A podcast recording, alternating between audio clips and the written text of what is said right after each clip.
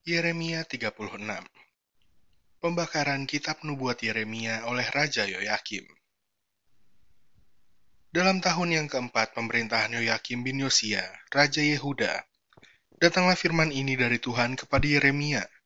Bunyinya, Ambillah kitab gulungan dan tulislah di dalamnya segala perkataan yang telah kufirmankan kepadamu mengenai Israel, Yehuda, dan segala bangsa, dari sejak aku berbicara kepadamu, yakni dari sejak zaman Yosia sampai waktu ini.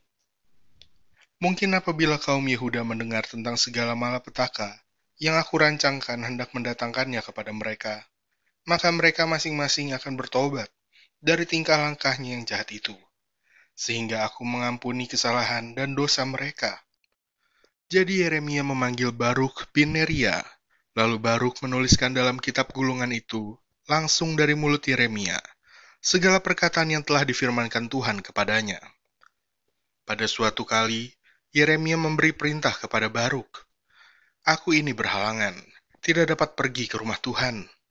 Jadi pada hari puasa, engkaulah yang pergi membacakan perkataan-perkataan Tuhan, kepada orang banyak di rumah Tuhan, dari gulungan yang kau tuliskan langsung dari mulutku itu. Kepada segenap orang Yehuda yang datang dari kota-kotanya, haruslah kau bacakannya juga. Mungkin permohonan mereka sampai di hadapan Tuhan, dan mereka masing-masing bertobat dari tingkah langkahnya yang jahat itu. Sebab besar murka dan kehangatan amarah yang diancamkan Tuhan kepada bangsa ini. Lalu Baruk bin Neria melakukan tepat seperti yang diperintahkan kepadanya oleh Nabi Yeremia untuk membacakan perkataan-perkataan Tuhan dari kitab itu di rumah Tuhan. Adapun dalam tahun yang kelima pemerintahan Yoyakim bin Yosia, Raja Yehuda, dalam bulan yang kesembilan, orang telah memaklumkan puasa di hadapan Tuhan bagi segenap rakyat di Yerusalem dan bagi segenap rakyat yang telah datang dari kota-kota Yehuda ke Yerusalem. Maka Baruk membacakan kepada segenap rakyat perkataan Yeremia dari kitab itu. Di rumah Tuhan, di kamar Gemaria, anak panitra Safan, di pelataran atas, di muka pintu gerbang baru dari rumah Tuhan. Ketika Mikaya bin Gemaria bin Safan mendengar segala firman Tuhan dari kitab itu, turunlah ia ke istana raja, ke kamar panitera.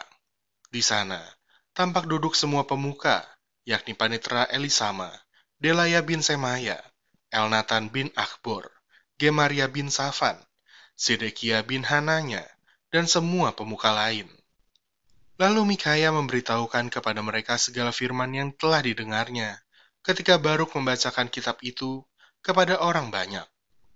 Kemudian para pemimpin itu menyuruh Yehudi, bin Netanya, bin Selemia, bin Kushi, kepada Baruk mengatakan, Bawalah gulungan yang telah kau bacakan kepada orang banyak itu, dan datanglah kemari. Maka Baruk bin Neria membawa gulungan itu dan datang kepada mereka. Berkatalah mereka kepadanya, Silakan duduk dan bacakan itu kepada kami. Lalu Baruk membacakannya kepada mereka. Setelah mereka mendengar segala perkataan itu, maka terkejutlah mereka dan berkata seorang kepada yang lain, kita harus dengan segera memberitahukan segala perkataan ini kepada raja. Bertanyalah mereka kepada Baruk. Katanya, Beritahukanlah kepada kami, bagaimana caranya engkau menuliskan segala perkataan ini? Jawab Baruk kepada mereka, Segala perkataan ini langsung dari mulut Yeremia kepadaku, dan aku menuliskannya dengan tinta dalam kitab. Lalu berkatalah para pemuka itu kepada Baruk, Pergilah, Sembunyikanlah dirimu bersama Yeremia. Janganlah ada orang yang mengetahui di mana tempatmu. Kemudian pergilah mereka menghadap raja di pelataran. Sesudah mereka menyimpan gulungan itu di kamar panitera Elisama, mereka memberitahukan segala perkataan ini kepada raja. Raja menyuruh Yehudi mengambil gulungan itu. Lalu ia mengambilnya dari kamar panitera Elisama itu. Yehudi membacakannya kepada raja, dan semua pemuka yang berdiri dekat raja.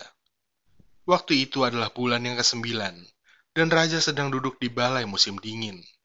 Sementara di depannya api menyala di perapian. Setiap kali apabila Yehudi selesai membacakan tiga empat lajur, maka raja mengoyak-ngoyaknya dengan pisau raut, lalu dilemparkan ke dalam api yang di perapian itu, sampai seluruh gulungan itu habis dimakan api yang di perapian itu. Baik raja maupun para pegawainya yang mendengarkan segala perkataan ini, seorang pun tidak terkejut dan tidak mengoyakkan pakaiannya. Elnatan, Delaya, dan Gemaria memang mendesak kepada raja supaya jangan membakar gulungan itu, tetapi raja tidak mendengarkan mereka. Bahkan raja memerintahkan pangeran Yerahmeel, Seraya bin Azriel, dan Selemia bin Abdeel untuk menangkap juru tulis Baruk dan Nabi Yeremia. Tetapi Tuhan menyembunyikan mereka. Sesudah raja membakar gulungan berisi perkataan-perkataan yang dituliskan oleh Baruk langsung dari mulut Yeremia itu, maka datanglah firman Tuhan kepada Yeremia. Bunyinya, Ambil pula lah gulungan lain. Tuliskanlah di dalamnya segala perkataan yang semula ada di dalam gulungan yang pertama, yang dibakar oleh Yoyakim, Raja Yehuda. Mengenai Yoyakim, Raja Yehuda, haruslah kau katakan, Beginilah firman Tuhan, Engkau telah membakar gulungan ini dengan berkata, Mengapakah engkau menulis di dalamnya bahwa Raja Babel pasti akan datang untuk memusnahkan negeri ini dan untuk melenyapkan dari dalamnya manusia dan hewan?